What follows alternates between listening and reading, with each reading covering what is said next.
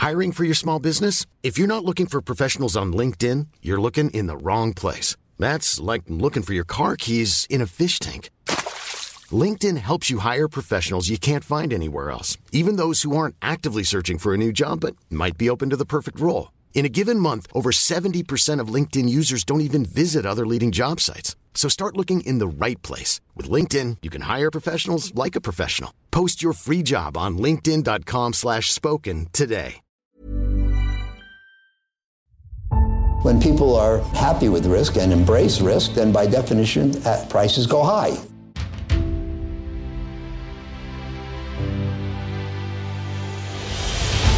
When the cycle turns down, they generally sell at prices that are far too low. This is not about getting more information. We live in a world where we have too much data. I'm uh, happy to report another stable quarter. Hallå och välkomna tillbaka till Aktiesnack. Det här är en podd som görs i samarbete med Kalkyl. Och idag så har vi ett litet specialavsnitt. Eh, Vi har med oss Sveriges eh, tredje och fjärde bästa poddare. Fabian Fransén och Niklas Aldén från Market. Är bra, Så varmt bra att du sa välkomna. mitt namn först där, så jag i alla fall hamnar tredje bästa. Niklas hamnar på fjärde. Det är bättre att vinna ett eh, på brons än att förlora ett silver, eller hur? Ja, men så idag ska ju då eh, Niklas och Fabian pitcha varsitt eh, case i vår podd. Och sen så i deras podd som kommer nu nästa torsdag så kommer jag och Peter pitcha varsitt case.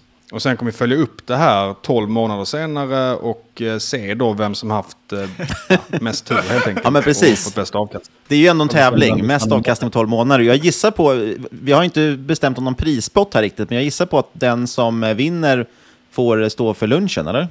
Äh, nej, vad fan. Det kan ju inte vara förloraren som får göra det med tanke på att den har inga pengar kvar. På Pinpoint Estimates kan du som privatinvesterare se estimat inför dina aktiers rapporter om du delar med dig av dina egna förväntningar. På Pinpoints nya bolagssida kan du utöver att se Pinpoints konsensusestimat även ta del av annan data som till exempel hur mycket ditt bolag har slått eller missat förväntningarna med historiskt eller vilken investerare som tidigare varit pricksäkrast i sina prognoser på bolaget. Så gå in idag och börja lämna dina estimat inför Q4-rapporterna. Och vad säger vi då Magnus? Vi säger stort tack till vår huvudsponsor Pinpoint Estimates. Stort tack! Så då kan vi väl börja med dig igen Fabian. Berätta lite om dig själv och eh, Eh, Market ja, Makers. Fabian heter jag. Jag är stjärnan i podden Market Makers. Ja, VM-podd nu, hållit på i fem år, pratar mycket tillväxtaktier, mycket nu cykliska aktier. Både jag och Niklas är väldigt inspirerade av Peter Lynch, men även inspirerade av till exempel George Soros, eh, Druckenmiller, flyter in mycket makro här eh, i, i våra case och i våra poddavsnitt. Ja, precis. Och, och, och för egen del, jag har ju alltid varit lite så momentumfokuserad och det tycker jag märks lite i podden också. Vi, man kan säga att vi är lite trendföljande i podden. Eh, just för att det skiftar lite vad vi tittar på för bolag beroende på vad vi tycker är mest intressant just nu. Vi har ju någon form av top-down perspektiv har vi alltid beskrivit det som. Vi tittar lite på makrobilden, vad är det mest attraktiva just nu? Och då blir det den typen av bolag. Så i år har det ju varit väldigt energitungt till exempel. Eh, där har ju Fabian verkligen haft ledarflaggan liksom, med, med oljebolag och kolbolag och allt möjligt spännande. Ja, Men för ett år sedan, liksom tillbaka på de avsnitten, så är det väldigt mycket tillväxtaktier och tech och så vidare. Eh, så att vi är lite så, eh, trendföljande kan man säga. Och eh, det gör ju dels, dels är det roligt för avkastningen, men framförallt också blir det roligare att göra podden då när det, när det skiftar. Det inte är exakt samma hela tiden. Men det är en bas i fundamental analys. Man ska inte tro att det är teknisk analys eller liknande. Absolut inte. Nej, vi, vi, vi har ofta ett top-down-perspektiv hur vi screenar fram bolag. Vi, vi kanske inte sitter inte och screenar på P tal liksom, utan vi, vi börjar ofta top-down, tittar på vad känns intressant just nu, glider in på en sektor och sen så får man titta på varje enskilt bolag i den sektorn och så titta på dem fundamentalt. Och i slutändan är det alltid liksom det fundamentala som styr. Så då vet vi i alla fall varför Fabian har pratat om olja nu i... Ett år! Jag måste ändå bara hålla upp flaggan och säga att ett, ett år har han i alla fall pratat om det. Man får inte plats med 25 avsnitt på ett kvartal. Men vilka case kan ni dra idag då? Ja, Fabian får väl börja. Han ska ju dra lite olja just också tror jag, om jag inte missförstått. Och jag tänkte då försöka eh, liksom hamna på någon slags neutral, eh, vad heter det, koldioxid kompensera genom att prata lite eh, energibolag. Eller förlåt, alltså lite grön energi. Eh, jag tänkte prata lite om offshore-sektorn idag och eh, lyssnare av Market Makers vet att jag har varit väldigt bullish till bland annat Borr och Valaris i år. Och jag tänkte faktiskt ta ett case idag som jag inte har pratat om i min egna podd. Jag tänkte bjuda eh, Aktiesnacks-lyssnare på det här caset först. Och eh, eftersom det här ändå är en tävling så tänker jag go big or go home. Eh, hög uppsida, men förhoppningsvis rätt cappad nedsida i det här. Eh, jag tänkte också att eh, göra ett litet utlägg här varför jag tycker offshore är så intressant, varför det står för en väldigt stor del av min portfölj eh, in i 2023 och kommer antagligen göra det även in i 2024. Eh, antar att ni inte har pratat jättemycket om offshore i, eh, i eran podd, men jag kanske har fel. Nej, jag tror Peter är inte någon stort fan av de där bolagen riktigt. Det, det, det man kan säga om eh, eh, offshore är att de står ju för infrastrukturen för oljebolagen. Och det är det som gör, dem så, gör dem så intressanta. De är the picks and shovels. Och Eh, allmänt så tycker jag att fler retail borde kika lite på cykliska bolag. Många är ju fans av Peter Lynch, men hakar upp sig väldigt mycket på GARP, alltså Growth at Reasonable Price. Men Lynch tycker jag att man ska ju sätta ihop ett fotbollslag av många olika spelare. Du kan, du kan inte bara ha till exempel en, en, en målvakt eller du måste ju ha flera olika typer av spelare kan göra, vara på olika eh, positioner på plan. Och därför är det rätt vettigt att kika på cyklis, turnarounds, asset plays och eh, då även growth. Och därför tänkte jag pitcha cykliskt idag. Är den här typen av bolag lika cykliska som oljebolag i sig? Eller Nej, eh, alltså skiljer det, det följer ju oljemarknaden. Det gör det ju. Men dels så har det lite mer torque. Det blir som ett derivat på, på oljemarknaden. Men sen, det som är intressant är ju att det här är lite senare cykel. Så man ser ju när, i stort sett när oljemarknaden pikar, då börjar ju nästan den här dra igång. Så man ser liksom lite, man kan ju följa vad som händer på resterande oljemarknaden, på oljebolagen och använda det som någon typ av proxy för vad som potentiellt kommer hända på offshore-marknaden, eller offshore-sektorn. Men eh, jag vet att ni har ju snackat lite kol och grejer, men jag tänkte man kan snabbt dra en liten bakgrund till energikrisen, varför just offshore är intressant innan jag kommer in på dagens eh, drilling-case. Och eh, ja, snabb backstory 101, det är att man hade en oljeboom mitt på 2000-talet eh, till början på 2010-talet. Eh, offshore och oljebolagen de överexpanderade, man hade shale-revolutionen. Det resulterade i att man fick en oversupply av olja, marknaden kraschade, nu vet det är supply and demand här. Och eh, sen dess så har ju fossila bränslen bara blivit mindre och mindre populära. Man har eh, dragit ner som satan på investeringar inom fossilt och eh, man har i stort sett levt, hela, hela vårt samhälle har levt på tidigare produktion. Och nu ser man att det börjar bli ett gap här mellan efterfråga och utbud.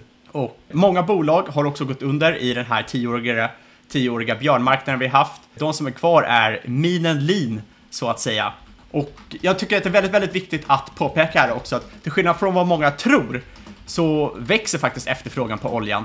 Eh, många tror att oljan är döende och eh, håller på att fasas ut, men det är faktiskt inte sant. Sedan 2010 har efterfrågan växt med cirka 14 miljoner fat om dagen. Det är alltså att det växer inte av 14 miljoner fat om dagen, men användningen av olja har växt med 14 miljoner fat om dagen. Nu totalt använder vi cirka 100 miljoner fat om dagen i världen.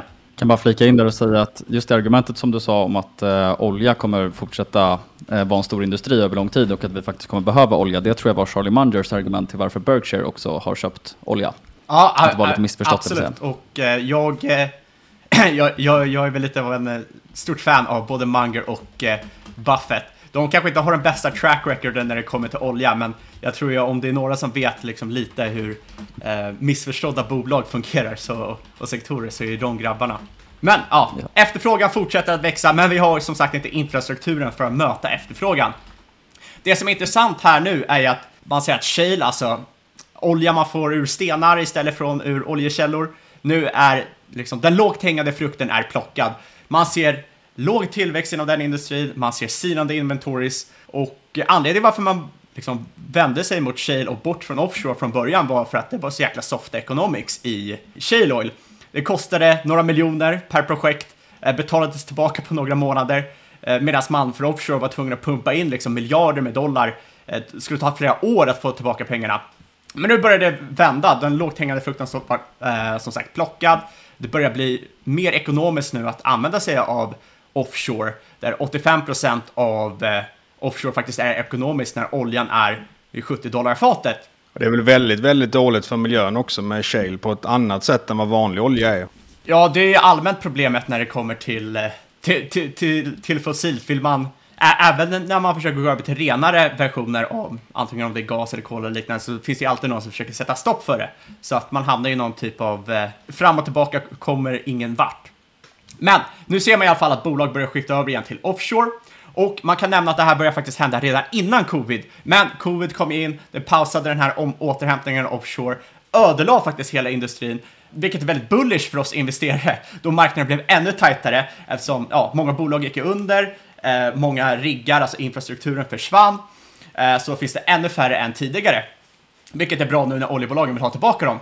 Och lägg därtill på potentiella Eh, liksom bullcase är att rysk produktion börjar rulla över, amerikanska SPR, alltså liksom reserverna som Biden pumpar ut i marknaden, eventuellt kommer avta för de sinar ju också. Eh, Kina börjar faktiskt öppna upp igen, Indien och Mellanöstern rampar upp efterfrågan. Och då kan man ställa sig frågan, om inte shale finns där, att backa upp den här produktionen, var kommer oljan komma ifrån?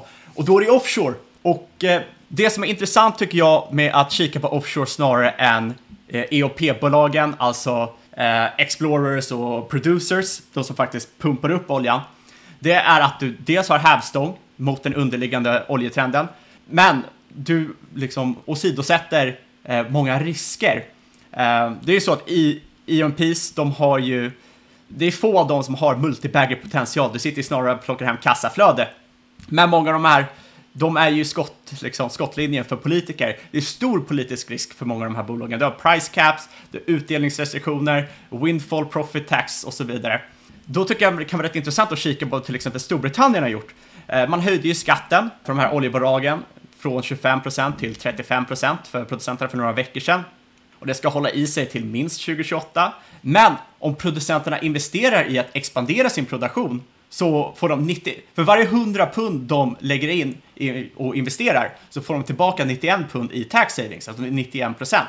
Och för att öka produktionen krävs det riggar. Och det här är lite incitament för att de här bolagen ska börja producera igen och eh, inte bara sitta och pumpa ut sina pengar till aktieägare. Ja, den har jag åkt på lite också. Jag investerade ju i Serica, det här eh, brittiska gasbolaget. Och skatten där har ju gått från Ja. 40 till 75 procent. Så att, Mm, eh, det, det har synts i kursen också. Men det är ju som du säger det här med att de vill ju göra incitament för att man ska investera istället. Vilket ändå är Exakt, ett för det har, ganska ju, bra det har ju varit nu att att lösa det. För tio år sedan då satt man ju investera hur mycket som helst och sen fick man ju på smällen.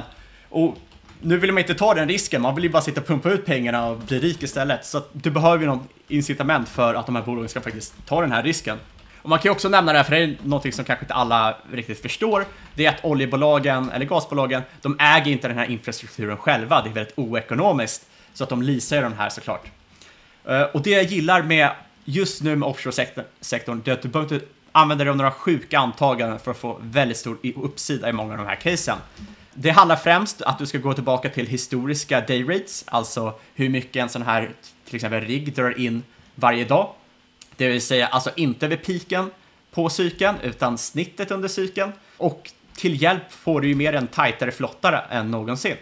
Och eh, det gör ju att du potentiellt har multibagger-potential i många av de här bolagen, samtidigt som kurserna är så pass låga att det ser i alla fall ut som att många av de här bolagen har rätt capad nedsida. Vi ska gå in lite mer på det senare. Ja, det här är ju en cyklisk industri och eh, då tycker jag också det är viktigt att man ska tänka liksom tvärtom som vanliga bolag. Det vill säga vid inflektion, alltså när bolagen är som billigast, kommer de optiskt sett att se som dyrast ut och tvärtom. Det, det, det är nog rätt viktigt, för slår du upp det här på börsdata så kommer det se skitdyrt ut och se jättejobbigt att kolla på. Men det är så det är med cykliska bolag. När, när de sitter där med sina P2 och du inte tänker dig för, det är då de egentligen är som dyrast, för det är då det är piken på cykeln, det är då de drar in som mest pengar. Det är väl ett bra tips till alla att det är framåtblickande multiplar som egentligen Absolut. spelar roll. Absolut. Ja, och dessutom ska, ska man försöka hitta någon som marknaden kanske inte har sett på samma sätt, då är det ju att man måste räkna lite själv oftast. Det, det blir mest attraktivt om det inte går att screena fram det. För att det, nyckeltalen ser skit ut när man tittar på det idag. Men det, är- men det är ju också viktigt att tänka på i Exakt. cykliska bolag är att du inte bara kan stoppa det i, i byrålådan och glömma bort det. För det går ju upp och så går det ner och så går det upp och går ner.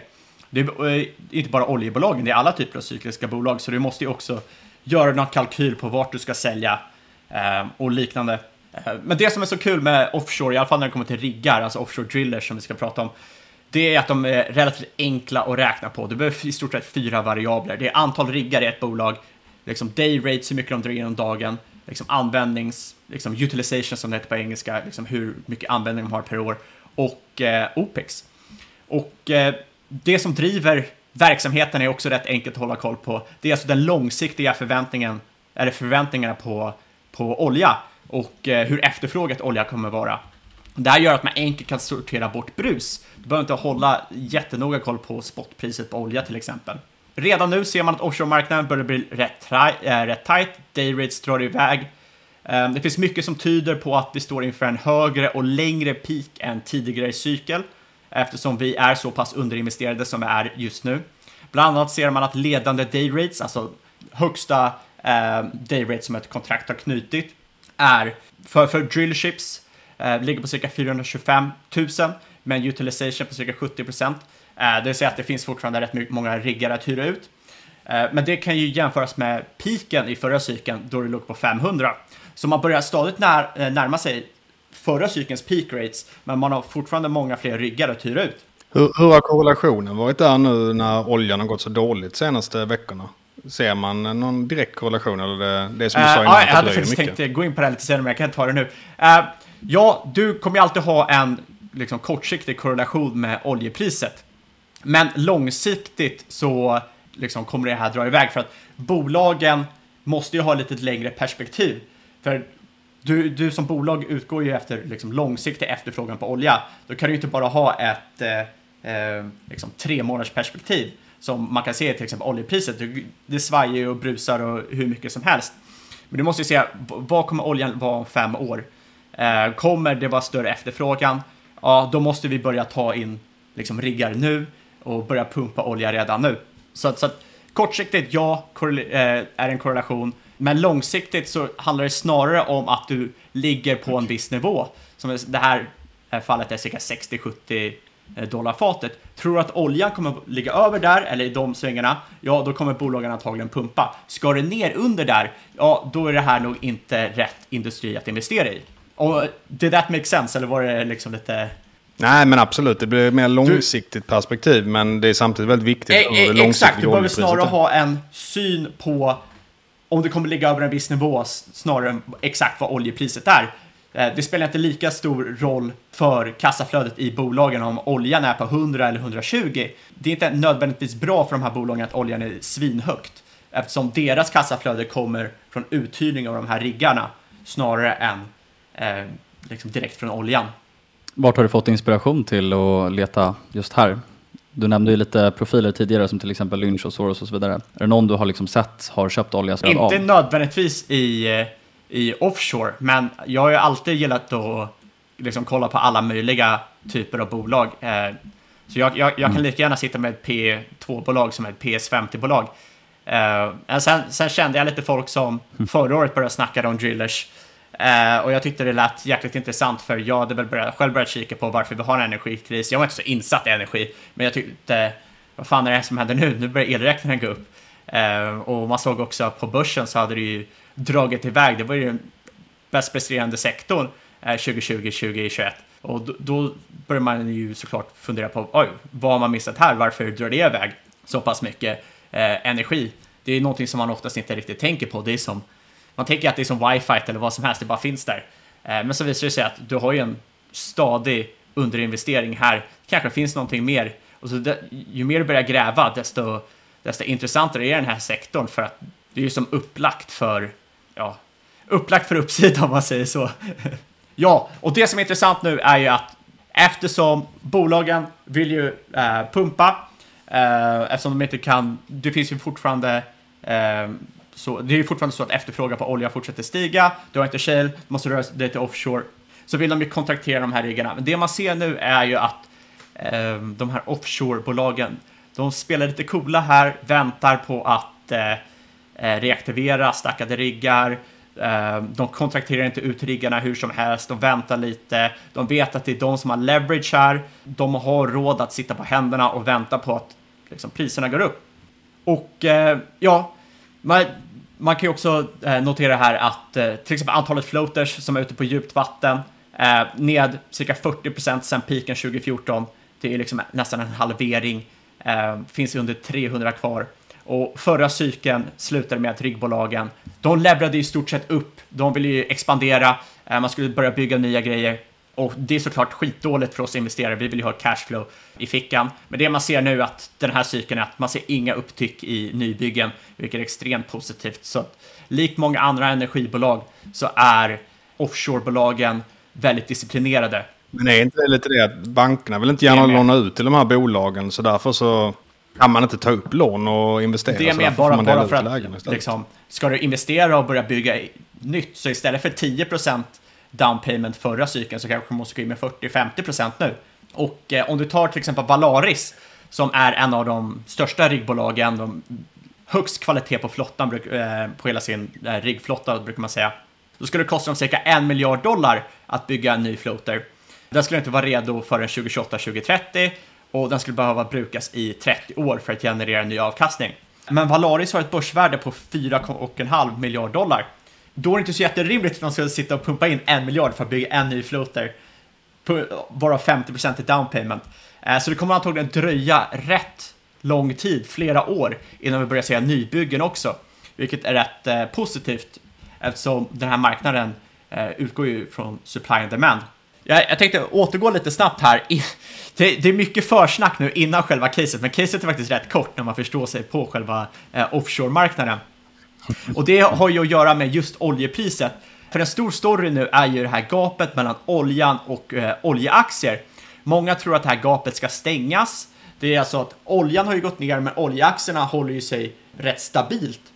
Och nu tror ju många att gapet ska stängas, oljeaktien ska ner. Men zoomar man ut lite så ser man egentligen en helt annan story. Kortsiktigt finns det ju massor med potentiella anledningar till varför oljan ska falla. Du har ju traders som säljer för att låsa in profits, Ryssland dumpar olja in i sin den här 60 dollars price capen, SPR, China lockdowns och så vidare. Och medan spotpriset har fallit typ 25-30 dollar på kort tid, zoomar man ut lite på till exempel eh, decemberterminer 2023 eller 2025 så har de fallit några enstaka dollar. Och det här betyder ju att kortsiktigt så ser du väldigt, väldigt mycket brus och det kommer ju såklart påverka offshorebolagen. Men det påverkar inte nödvändigtvis eh, bolagen på lång sikt och deras terminala värdering. det är ju så att aktier värderas ju utifrån alla framtida kassaflöden. Och oljeaktiers kassaflöden baseras ju på eh, futuresmarknaden. Och det tror jag är rätt viktigt att hålla med sig att hyperfokusera inte på liksom, det som händer kortsiktigt i oljan. Försök tänka lite längre perspektiv, speciellt när det kommer till offshore där en investering från ett bolag kommer behöva spela ut sig under 2023, 2024, 2025. Så om vi, om vi skulle leka med tanken att det kommer en monsterrecession nu nästa år så Borde inte det påverka lika mycket för den här typen av bolag som oljebolag då kanske egentligen? I det jag, tror, jag, jag tror inte det. Alltså, för det första, recession. Det är såklart en risk, men alla och deras mamma tror på recession, och så det lär ju vara rätt inprisat. Är det en monsterrecession, då kan vad som helst hända. Skulle vi se någonting som covid, vem vet vad som händer då? Och därför ska du ju liksom inte lägga alla ägg i en korg. Men då tror jag ändå att det är större risk att man tradar sideways i en, två år än att det faller 50%. Riggutbudet är som sagt extremt litet. Eh, och man, bara för att oljan skulle rasera i ett år, hur länge håller en recession i sig? 12-18 månader. Och liksom börsen och bolagen är framåtblickade. Det betyder ju att efterfrågan på de här riggarna behöver nödvändigtvis inte minska särskilt mycket. Så för som sagt, de här företagen behöver ju ha en long term view på oljan eh, om de vill växa och finnas kvar. Och eh, för att kunna växa och producera så måste de ju drilla eftersom världen behöver mer energi. Men äntligen, med det sagt, jag ser att vi kört i typ 20 minuter. Jag eh, ska snabbt dra av caset också. Jag har pratat om Borr och Valaris i Market Makers. Det är mina största innehav i sektorn. Jag tänkte säga det nu. Borr är högst skuldsatt eh, och det har mycket tork. Caset där är att när EV faller snabbt så liksom börjar man... Eh, EV faller snabbt när man börjar betala av lånen eftersom man får eh, in väldigt, väldigt mycket kassa snabbt när jackups, alltså deras eh, riggar, infekterar högre och snabbare. Valaris, det är kvalitetsflottan, eh, utan skulder där du inte har samma press eh, att leverera kortsiktigt eftersom du inte har några skulder, utan exponeras liksom mot sektorn rakt upp och ner. Men båda det här är place på att offshore-cykeln börjar ta fart och börjar dra iväg. Dagens case, Dolphin Drilling, ett case som liknar Valaris, men som ett spel på att sektorn kommer bli riktigt, riktigt tight. Och Ska du säga ticker, namn och börs det är noterat på kanske också? D-drill och baserat på norska eh, Oslobörsen. Men Dolphin Drilling är ett eh, bolag, börsnoterades tidigare år, en så kallad kall IPO, ingen vill röra vid det. Det är rätt intressant tycker jag, eh, med tanke på hur hade tech-IPO-klimatet förra och för förra året. Skillnaden här, helt död sektor, ingen bryr sig om det. De gick in i rekonstruktion 2019, men trots det här så sträcker sig historien kring bolaget ända bak till 1965 eh, i Aker Drilling. Man har tre stycken så kallade Harsh Environment Moored Semisubs, Blackford, Borgland och Bideford. Och det här är äldre riggar, men de har rustats upp lite på senare år. Och sen har man även köpoptioner för två andra riggar. Och det här är en sån här liksom extrem... Det är bara någonting man skulle köpa om man skulle se en extrem uppsida på riggarna om några år. Eh, men det här är ingenting jag räknar med i det här caset. Jag kollar på de här tre riggarna de har. En av de här riggarna är uthyrd just nu i Nigeria för 230 000 dollar om dagen. Och de två andra är stäkade. Och det som är intressant här nu är väl främst UK-marknaden eh, för de här två riggarna som inte ännu är kontrakterade. Och generellt så finns det tre typer av oljeriggar. Du har jackups, du har semi-submersibles och du har drillships. Och alla är här anpassade till olika djup. Jackups är ju liksom väldigt, väldigt grunt vatten. Drillships och floaters, det är ju väldigt, väldigt djupt vatten. Som sagt så var ju det här, handlar ju det här om moored semi-subs, alltså mittenkategorin och moored är ett segment av mittenkategorin med så kallade mooring-system. Och förenklat så används mooring-system för grundare vatten, dynamic positioning system för djupare. Det är alltså ankare versus GPS i stort sett. Och mooring-system, det brukade utgöra majoritet av floaters tills Deepwater Exploration blev väldigt, väldigt poppis 2006. Eh, det var för att man fick bättre ekonomi i de här källorna. Och ja, då blev det go-to-floaten. Moored brukar vara Förr i tiden så var det liksom 80% av alla floaters var eh, moored, men där skiftade det snabbt över när man hittade olja djupt ner i vattnet och det var dit man ville skicka investeringarna. I den här björnmarknaden man hade då så bara scrappade man alla de här moored eh, för att minska omkostnader. Idag finns det väl cirka 20 stycken tillgängliga. Jag tänkte på det med, som du sa om att 2014 mm. så fanns det mycket fler riggar. Har det någonting att göra med att de var mer, mindre effektiva då, mer effektiva nu eller?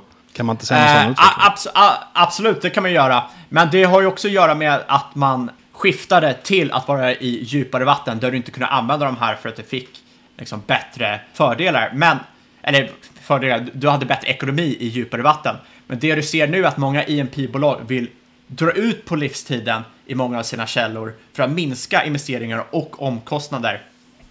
Och det gör ju att de kan skifta tillbaka till gamla källor det eventuellt är billigare att använda mårdsystem till, än att använda till exempel Deepwater-riggar. För det är så att de här dayratesen, de tenderar att röra sig laggande till de här Deepwater-riggarna. Så det är så att folk paxar dem först och sen går de på de här Mord-riggarna som är sämre, de är äldre, de är inte så jäkla feta. Men en Deepwater-rigg, liksom, de ligger på 425 000 dollar om dagen. De här Mord, 200-250 000. Det är alltså det är ett rätt stort gap, men ett gap som lär minska över tid när marknaden blir tajtare och tajtare, speciellt i den här supercykeln. Speciellt om du inte behöver en så här djupvattensrigg för att drilla i, eh, i källan du, som, som du redan har. Då kanske det räcker med en som inte behöver gå lika djupt och då är det ju såklart billigare och då går du på den. Och det här är speciellt intressant i UK, som sagt, med deras, eller Storbritannien heter det på svenska, med deras satsning på ökad inhemsk produktion. Det är intressant här också att påpeka att vill man borra så är det inte bara att köpa en rigg, man behöver licens. Det betyder att alla bolag kan inte nödvändigtvis drilla överallt i hela världen. Och eh, Dolphin har bland annat licens i Norge, Storbritannien och Brasilien, så det ger ju också en liten typ av moat.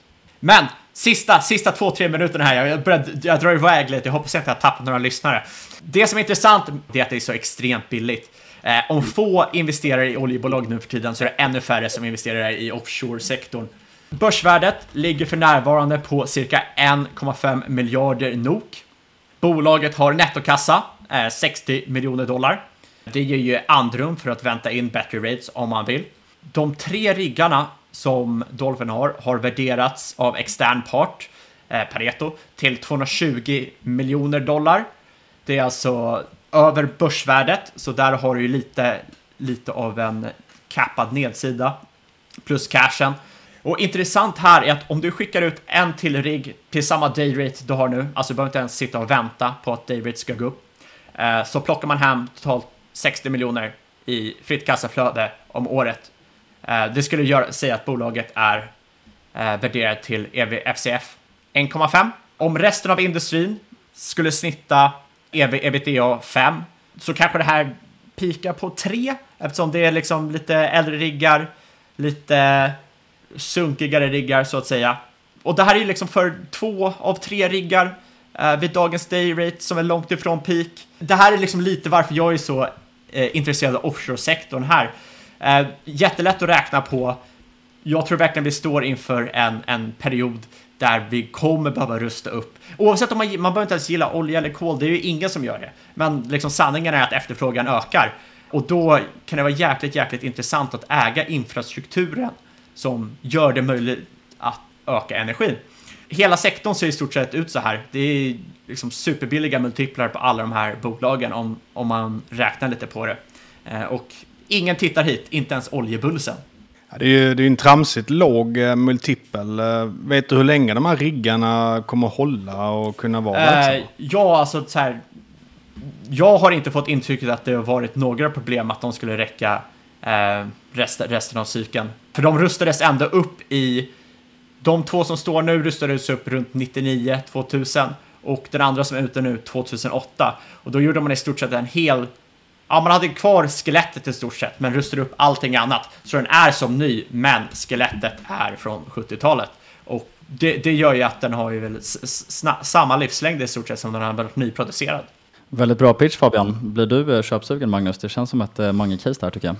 Ja, men det kittlades lite när jag hörde multipeln där också. Ja, alltså Typ samma här faktiskt. även om man inte är superintresserad av sådana här bolag från början så tycker jag att det kan vara rätt bra övning för många att bara gå in och kika på olika bolag här oavsett om det är Dolphin eller Borr eller Valaris som jag också, eh, som jag också äger. Och bara si, si, sitta, ja men kolla snitt dayrate, eh, kolla vad liksom eh, OPEX per dag.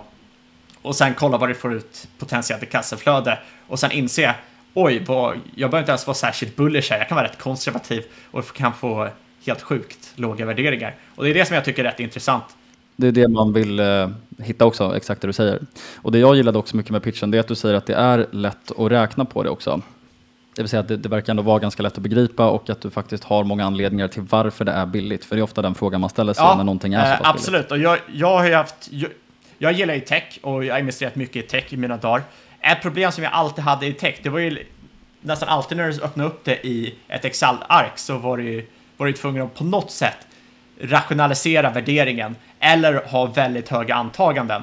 Då är det väldigt stor skillnad nu att man kan ha väldigt låga antaganden och ändå få en relativt soft, stabil uppsida eh, till förhoppningsvis cap, capad nedsida. Jag, jag tycker nice i sådana här tider när Ja. det är rätt, rätt vo, vo, volatilt. Ska inflationen upp? Ska inflationen ner? Vem vet? Nej, vi har ju också pratat om det mycket i podden, där med underinvesteringarna i energi i Europa. Och hur det har satt oss i Putins knä och vi ser vad det har lett oss nu. Så att någon gång så måste man ju komma till en brytpunkt, tänker jag, i väst. Där man upplever så mycket smärta av att inte ta upp olja och köpa det från Mellanöstern och Ryssland istället. Att man måste börja Ja, abs- borra absolut. hemma istället jag egentligen. menar, jag, jag skulle inte ha någonting emot om vi bara körde grön energi.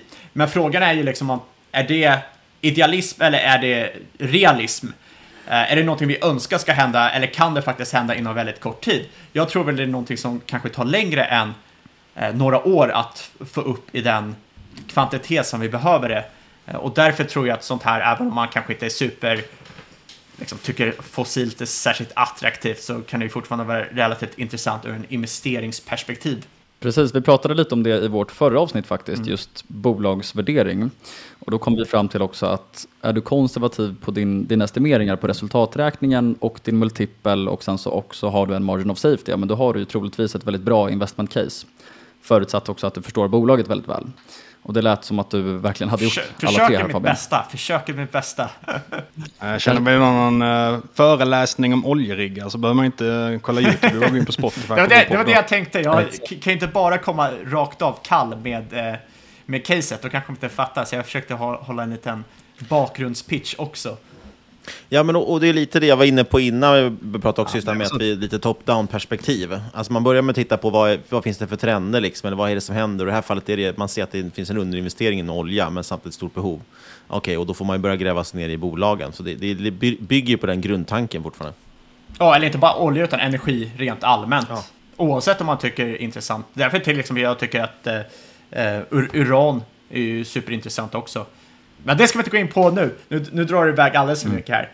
Niklas, din tur. Min Ja, precis. Eh, och jag tänkte ju då vända helt om. Det bygger egentligen på samma grundcase, eh, energikrisen också, men ett helt annat, eh, en helt annan vinkling på det. Eh, och lite bakgrund då. Eh, jag tittar på ett bolag som är super, super litet. Grejen är att jag, jag har ju liksom massa case i, i portföljen så att säga, men det känns som att de är uttjatade. Folk känner till de här bolagen redan. Vi har pratat om det i podden, andra poddar har pratat om det. Så jag kände att eftersom Fabian kommer med något helt nytt som han inte avslöjat för lyssnarna, så vill jag också komma med något helt nytt. Eh, så jag ska prata om ett superillikvit litet bolag som heter Sun for Energy. Eh, och liten disclaimer här bara. Vi, vi eh, är ju delägare, jag och Fabian, eh, en plattform som heter Aktier, AXYR, eh, där vi via dem då täcker det här, eller inte täcker det här bolaget, vi är inte, inte så att vi gör analyser, men vi gör små kvartalssammanfattningar kan man säga, där vi bara eh, förenklar och, och sammanfattar rapporterna. Hade bara kunnat säga att de var sponsorer. det är ett annat sätt att säga det också. Men det är lite intressant då, för det här bolaget, det är super egentligen basic idé, men den bygger också på energikrisen. Eh, Sun for Energy är noterad på NGM. Eh, det är ett super, super litet bolag, börsvärde är på 70 miljoner typ, så det är minimalt. Eh, 1500 ägare på Avanza, 300 hos Nordnet. Ticken är Sun4, Formen 4 alltså. De säljer och installerar solcellsanläggningar. Jag, jag, det är liksom, bakgrunden är inte så himla avancerad här. Jag tror att de flesta känner igen det här. De har också utökat då med att bland annat erbjuda elbilsladdare. Eh, de erbjuder också batterier och sen till och med har de en liten satsning på något som heter DC-laddning. Men det är framförallt till företagskunder och det ska jag inte gå in på idag. Men man säljer egentligen till alla. Det är privatpersoner, det är bostads och hyresrättsföreningar, företag, kommuner, allting. Och man är en helhetsleverantör ifrån liksom du kontaktar Sun4 Energy direkt, de kommer dit, hjälper dig planera upp, rita upp vad ska du ha för någonting, eh, de installerar, monterar det och så vidare. och så vidare. Men de är en återförsäljare då? Och deras dotterbolag jobbar ibland med ferroamp-produkter, det är ju ett börsbolag man kan kolla in. Och sen är det ju framförallt de här eh, växelriktarna heter det väl, som är ju från SolarEdge, det amerikanska börsnoterade bolag som jag tror vi plockat upp i podden förut. Så nej, de har inte det. De är ju inte heller grossist, utan de är ju ett mellan, de är ju sist, slut, eh, leverantören så att säga mot kund. Så först har du ju en tillverkare, sen har du en grossist, sen har du då eh, leverantören. Så de är ju en leverantör bara eh, till kund. Eh, eller installatör kanske man säger, eller montör. Men det är lite en intressant grej. Det är ju en, den sån resa de vill göra. De vill ju växa, bli större, förvärva mer bolag och bli så pass stora att de själva kan ta över grossistrollen också. Det gör ju väldigt stor skillnad då på marginalerna. Så det är en intressant grej inom, inom framtiden. Då. Men kort historik bara, grundades 2015, så det är ett väldigt, som sagt, det är dels ett väldigt litet bolag. Det är lite av en trisslott kan man säga i det här sammanhanget. Eh, eftersom det är väldigt hög risk med sådana små bolag kan jag tycka. Svårt också att komma in, men också framförallt kanske komma ut om saker och ting skulle skita sig.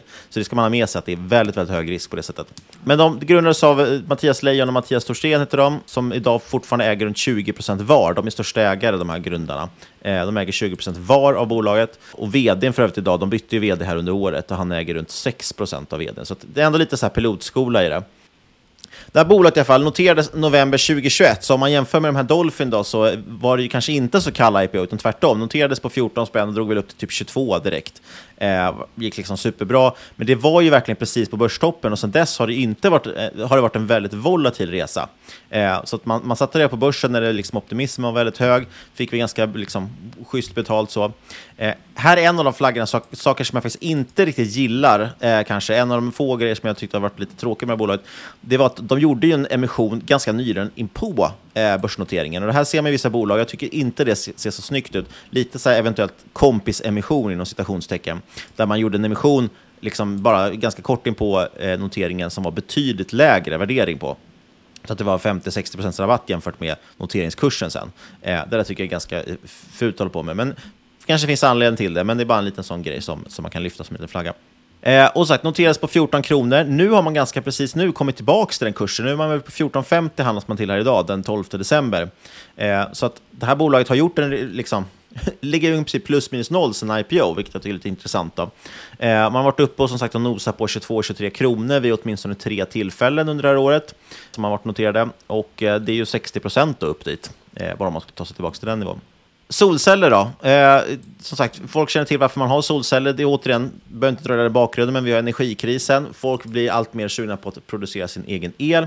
Det har varit jätteattraktivt också att, att investera i solceller, speciellt när räntorna var låga.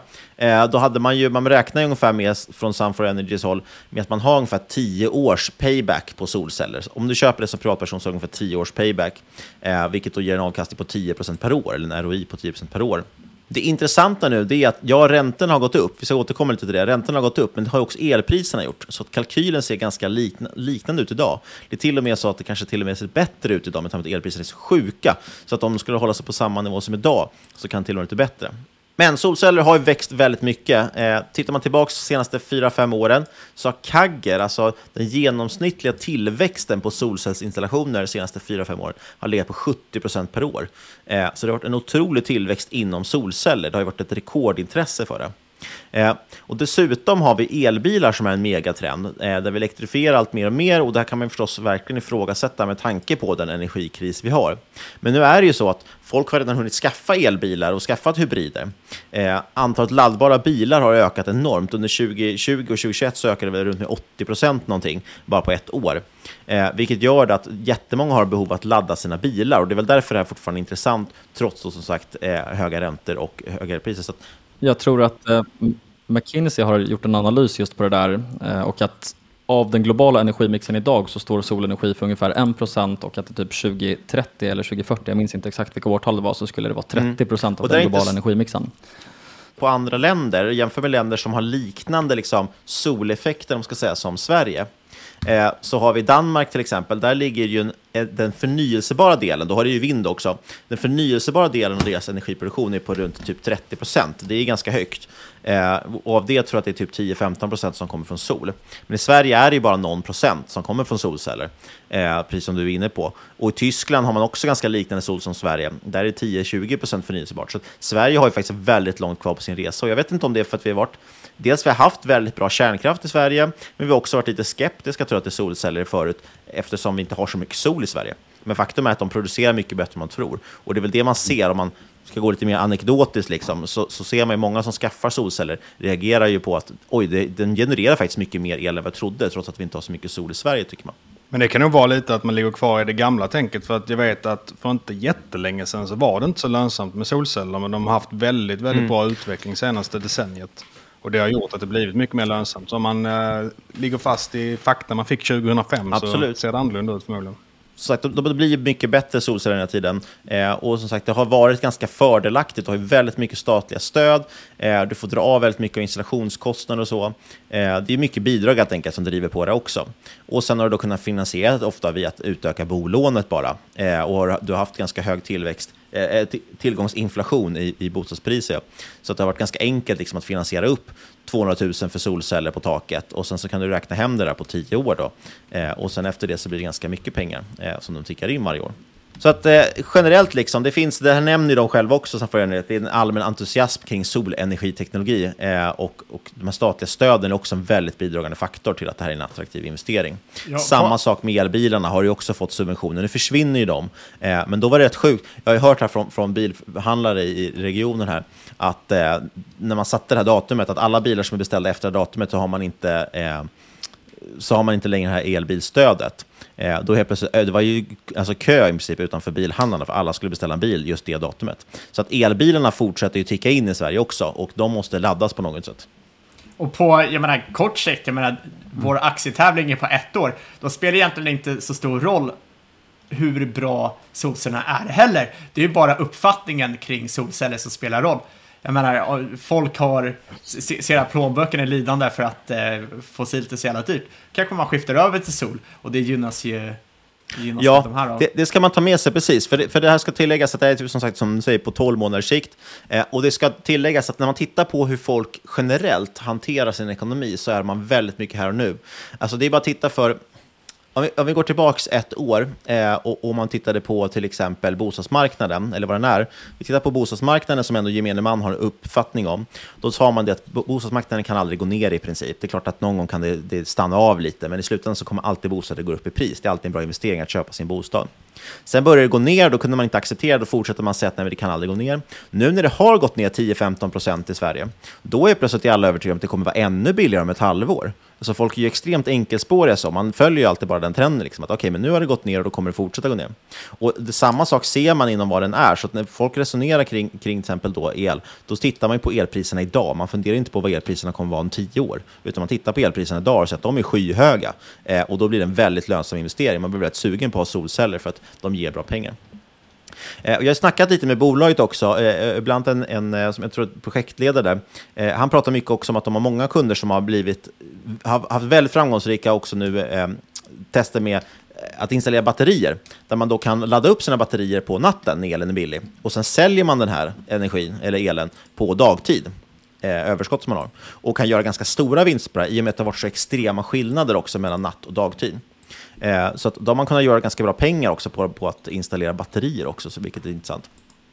Hoppar vi tillbaka till just bolaget i sig och inte liksom marknaden i sig, eh, så är det också att det, det börjar ju som ett ganska litet bolag, men man gör ju en ganska liksom aggressiv expansion. Eh, man förvärvar ungefär två, två till tre bolag per år, är, är liksom takten man vill hålla eh, fram till 2025.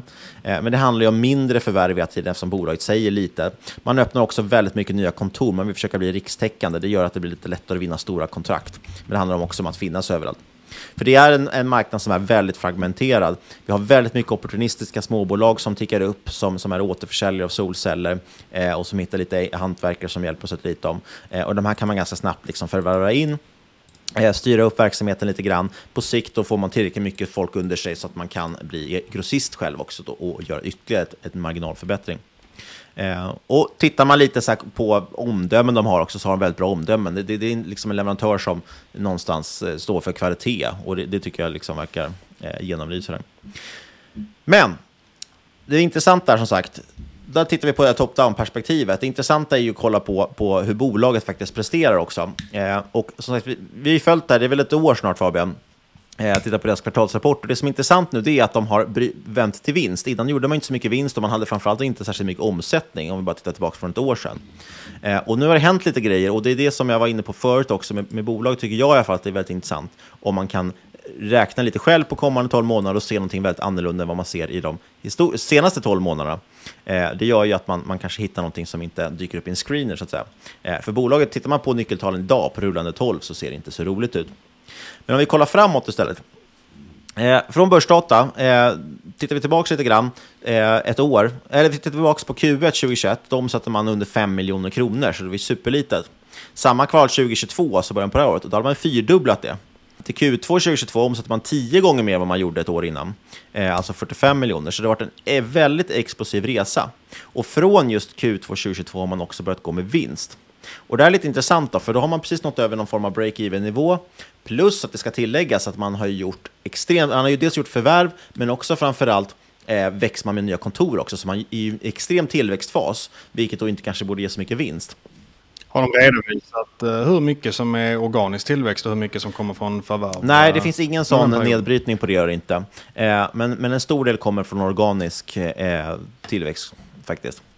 Eh, skulle jag gissa på, av, av döma av det jag tittar på i alla fall. Eh, och framförallt, det är ju för att orderstocken är så stor. Man ligger ju liksom, det tar ju väldigt lång tid att leverera för att det är komponentbrist och så.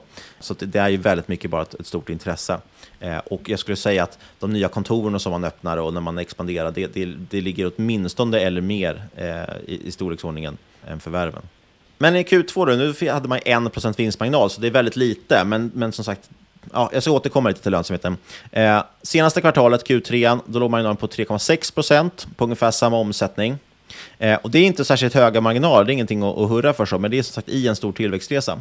Och tar man bara då senaste kvartalet, lite förenklat här, tar det gånger fyra, får man ut 1,3 kronor per aktie. Vi har 14,50 kronor i aktiekurs. Det ger PE under 11 på bara att du skulle ha senaste kvartalet fyra gånger. Och då har vi inte räknat med någon tillväxt eh, och ingen förbättring av marginaler. Och då blir frågan, kan de ha någon tillväxt och kan de framförallt förbättra lönsamheten? För att gå runt på 3% vinstmarginal kanske inte är supersexigt. Eh, som sagt, tittar vi på siffrorna vi ser idag, då har ju de som sa precis nått över nivån för break-even. Det är ju intressant i sig, för därefter brukar vi kunna se ganska explosiv tillväxt. Nu är inte det här mjukvara eller någonting, så det är inte så att varje såld enhet sen ger 100% vinstmarginal, utan det är ju fortfarande en, en begränsad vinstmarginal på, på solcellerna. Jag vet inte vad den kan ligga på, men låt säga 10% i alla fall borde vara ganska rimligt. Eh, men det som ska tilläggas är att de är som sagt, i en tillväxtfas, man har gjort förvärv, man har öppnat nya kontor. Dessutom har man drabbats av väldigt kraftiga prisökningar på sina komponenter. Och det är lite intressant att fundera över. När du har då eh, komponentbrist, gör ju att du har haft långa leveranstider. Så låt säga att du säljer ett, ett system eller säljer solpaneler i vår, eh, på våren som först levereras på hösten. Men du tog betalt på våren så att du har ju haft en prisökning där sen efter, vilket gör att du får en mycket sämre eh, marginal på det du väl har sålt. Det här såg vi till exempel i bolaget Soltech. De gjorde en förlust på 90 miljoner tror jag senaste kvartalet. Just hänförde till den anledningen att vi har sålt system, sen när de väl levereras, då fick vi betala mycket mer för dem. Man kunde liksom inte säkra upp de priserna.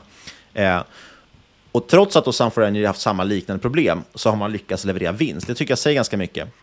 Och nu är det intressant att fundera på vad som händer nu när vi ser omvända, när komponentpriser börjar gå ner igen, men man har gjort, eh, haft prisökningar ut mot kund. Eh, det borde göra att marginalerna kan bli väldigt, väldigt kraftiga på det. Man säger själva att man har haft typ prisökningar på runt 50 procent när jag har pratat med folk i bolaget. Eh, och nu som sagt ser vi att råvarupriser går ner, logistikkedjor återhämtar sig och så vidare. Och så vidare. Eh, jag tycker det är intressant att fundera på vad det som kan hända med marginalen nu när man säger att vi har sålt de här höga priserna, men priserna faktiskt vid leverans kanske går ner. Men det där är någonting att hålla koll på, för det kan också vara en risk på andra, åt andra hållet också. Och som sagt, man har gjort prisökningar eh, för, att kunna, för att kompensera för det här. Eh, och då kommer ju den här frågan som vi var lite inne på förut. Vill folk fortfarande köpa liksom solceller när man knappt råd att betala elräkningen i sig och, och räntorna har gått upp? Eh, ja, i och med att de här liksom drar åt samma håll så är det inte ett stort problem. Du har fortfarande ROI på runt 10 år, eh, eller 10 procent per år. Eh, I och med att elpriset har gått upp och nu har vi sett att det börjat accelerera igen. Det var väl lite mildare här nu i oktober, men nu har elpriset accelererat igen. Jag såg någon, jag vet inte vad källan var på det, men det var väl DN som rapporterade någonting om att man snackade om att det skulle bli upp mot 10-11 kronor nu som någon slags peak här eh, kommande vecka, vilket inte hade varit så himla roligt. Nej, men så det, det, är liksom, det är ganska sjuka elpriser och sagt, det här driver investeringsviljan och gör att kalkylen väldigt snabbt blir väldigt mycket bättre. Eh, och har man då absolut, sitter man i en, eh, liksom, överbelånad i en nyköpt villa, då är det inte jätteroligt. Då kommer man inte köpa några solceller kanske. Men tänk ändå på att de flesta som sitter i villor, de har väldigt många år av uppgång i ryggen, har väldigt mycket utrymme i sina bolag. Ja, visst, då kan man finansiera upp det på. Man får, du får 10% per år tillbaks från solcellerna och lånet ligger fortfarande ändå på kanske 3% och sen så får, efter med lite ränterabatt och sen så får du dessutom lite eh, vad heter det, tillbaka från, från staten också. Och då blir det en ganska attraktiv investering. Eh, och sagt, vi har en väldigt stor runway. Det är fortfarande väldigt många som inte har solceller i Sverige. Vi var inne lite där på förut, hur det står sig mot Danmark och Tyskland. Eh, dessutom man expanderar kraftigt. Dels de här förvärven, 2-3 per år fram till 2025. Man har också nya kontor. Bara under 2022 slog man upp ibland Motala, Sundsvall, Varberg och Göteborg. Eh, under Q2 sa man att sälj låg långt över budget. Orderstocken var då drygt 85 miljoner kronor. Det är alltså högre än hela börsvärdet. Och ska man försöka dra ut den här linjen lite grann och räkna lite på det, mina egna lite små antaganden då.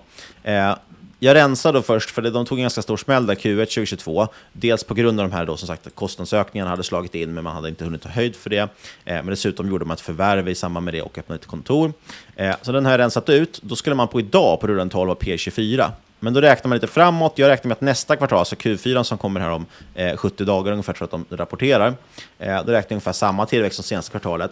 Sen drar jag ner tillväxtantalen ganska mycket, så att man kanske som mest, låt, låt säga att vi kanske ligger på 10% tillväxt eller någonting från idag.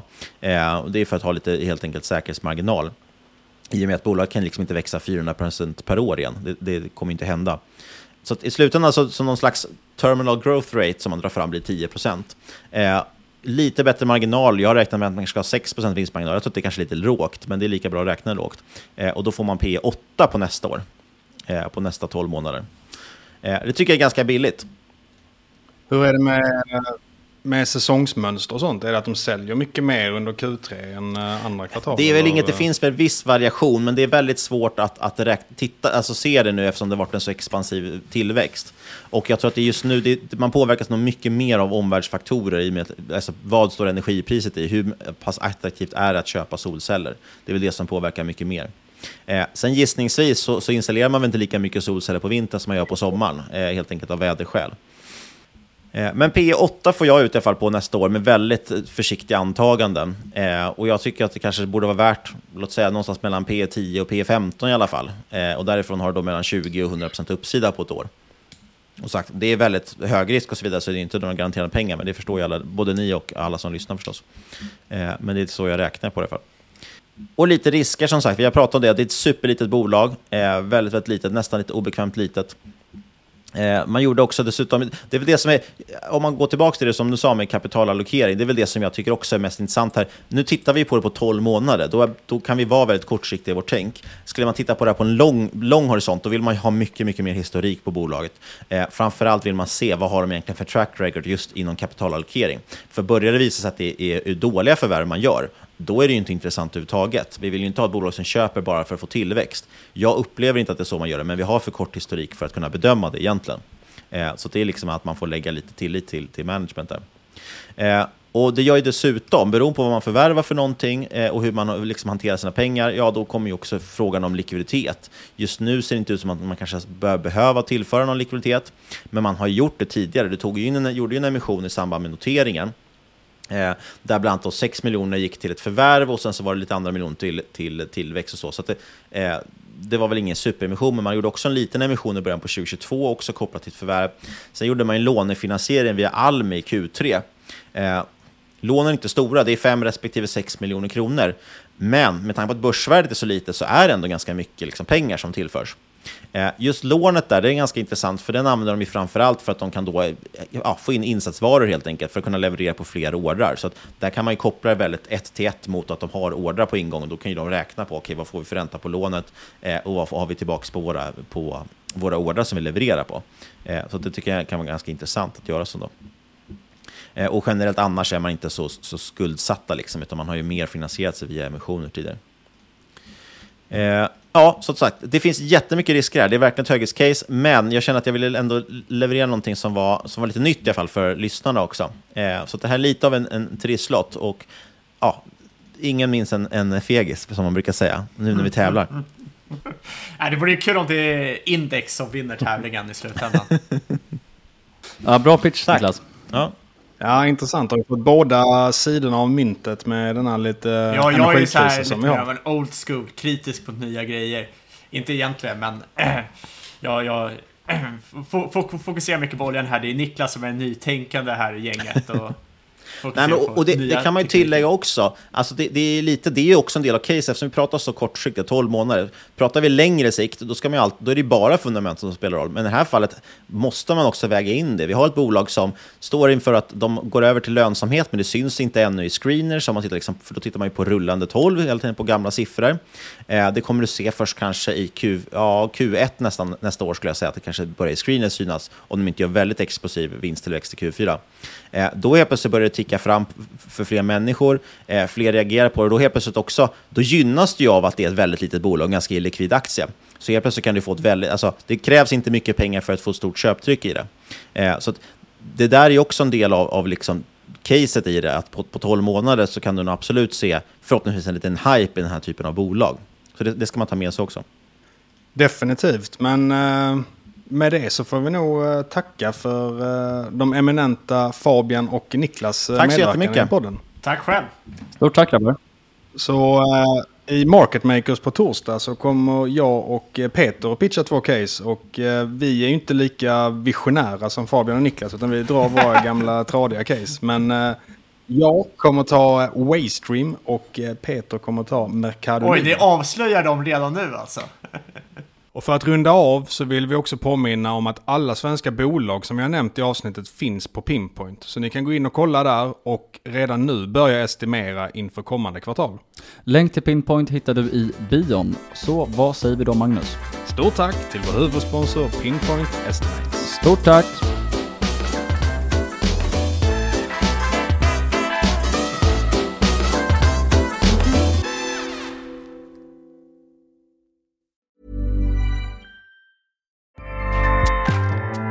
ACAST powers the world's best podcasts. Here's a show that we recommend.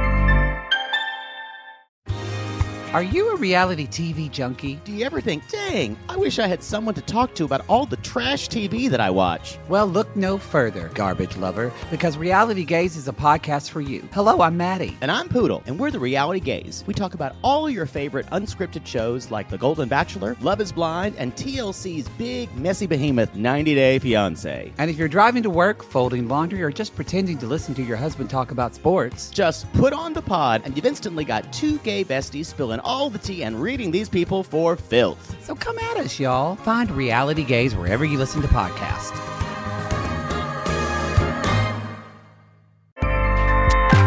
ACAST helps creators launch, grow, and monetize their podcasts everywhere. ACAST.com.